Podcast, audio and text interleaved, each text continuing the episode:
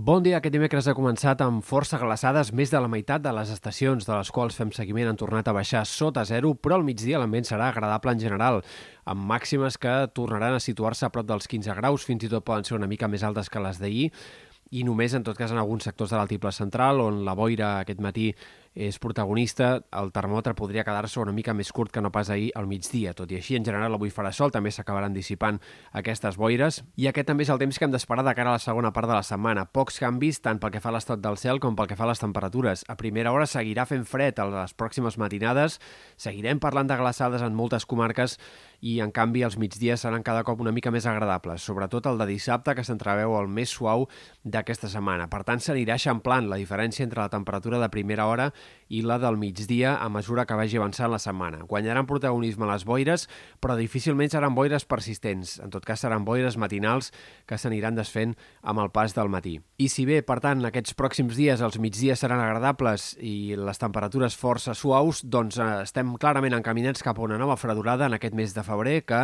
arribaria ja a partir de dilluns, començaria a notar-se a partir de dilluns i que especialment eh, tocaria fons probablement de cara a dijous, divendres de la setmana vinent. Per tant, podríem tenir un altre cop una situació de 4 o 5 dies tranquil·lament de temperatures molt baixes, clarament per sobre del que tocaria per l'època, i amb valors que s'intueixen doncs, gairebé tan baixos o molt similars als que vam tenir en els dos caps de setmana anteriors. Per tant, una fredurada de primera categoria, amb temperatures que baixaran per sota dels menys 15 graus al Pirineu i que tornaran a baixar per sota dels menys 5 en moltes comarques interiors i prelitorals.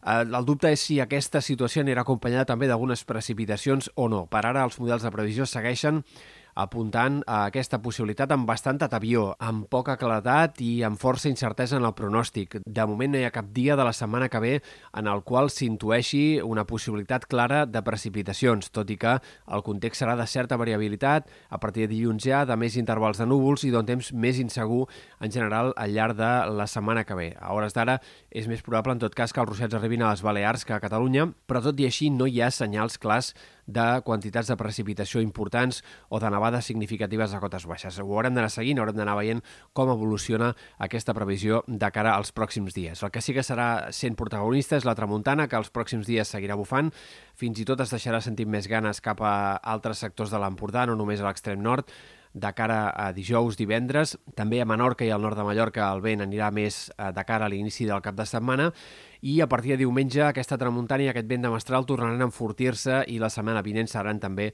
un dels factors a tenir en compte.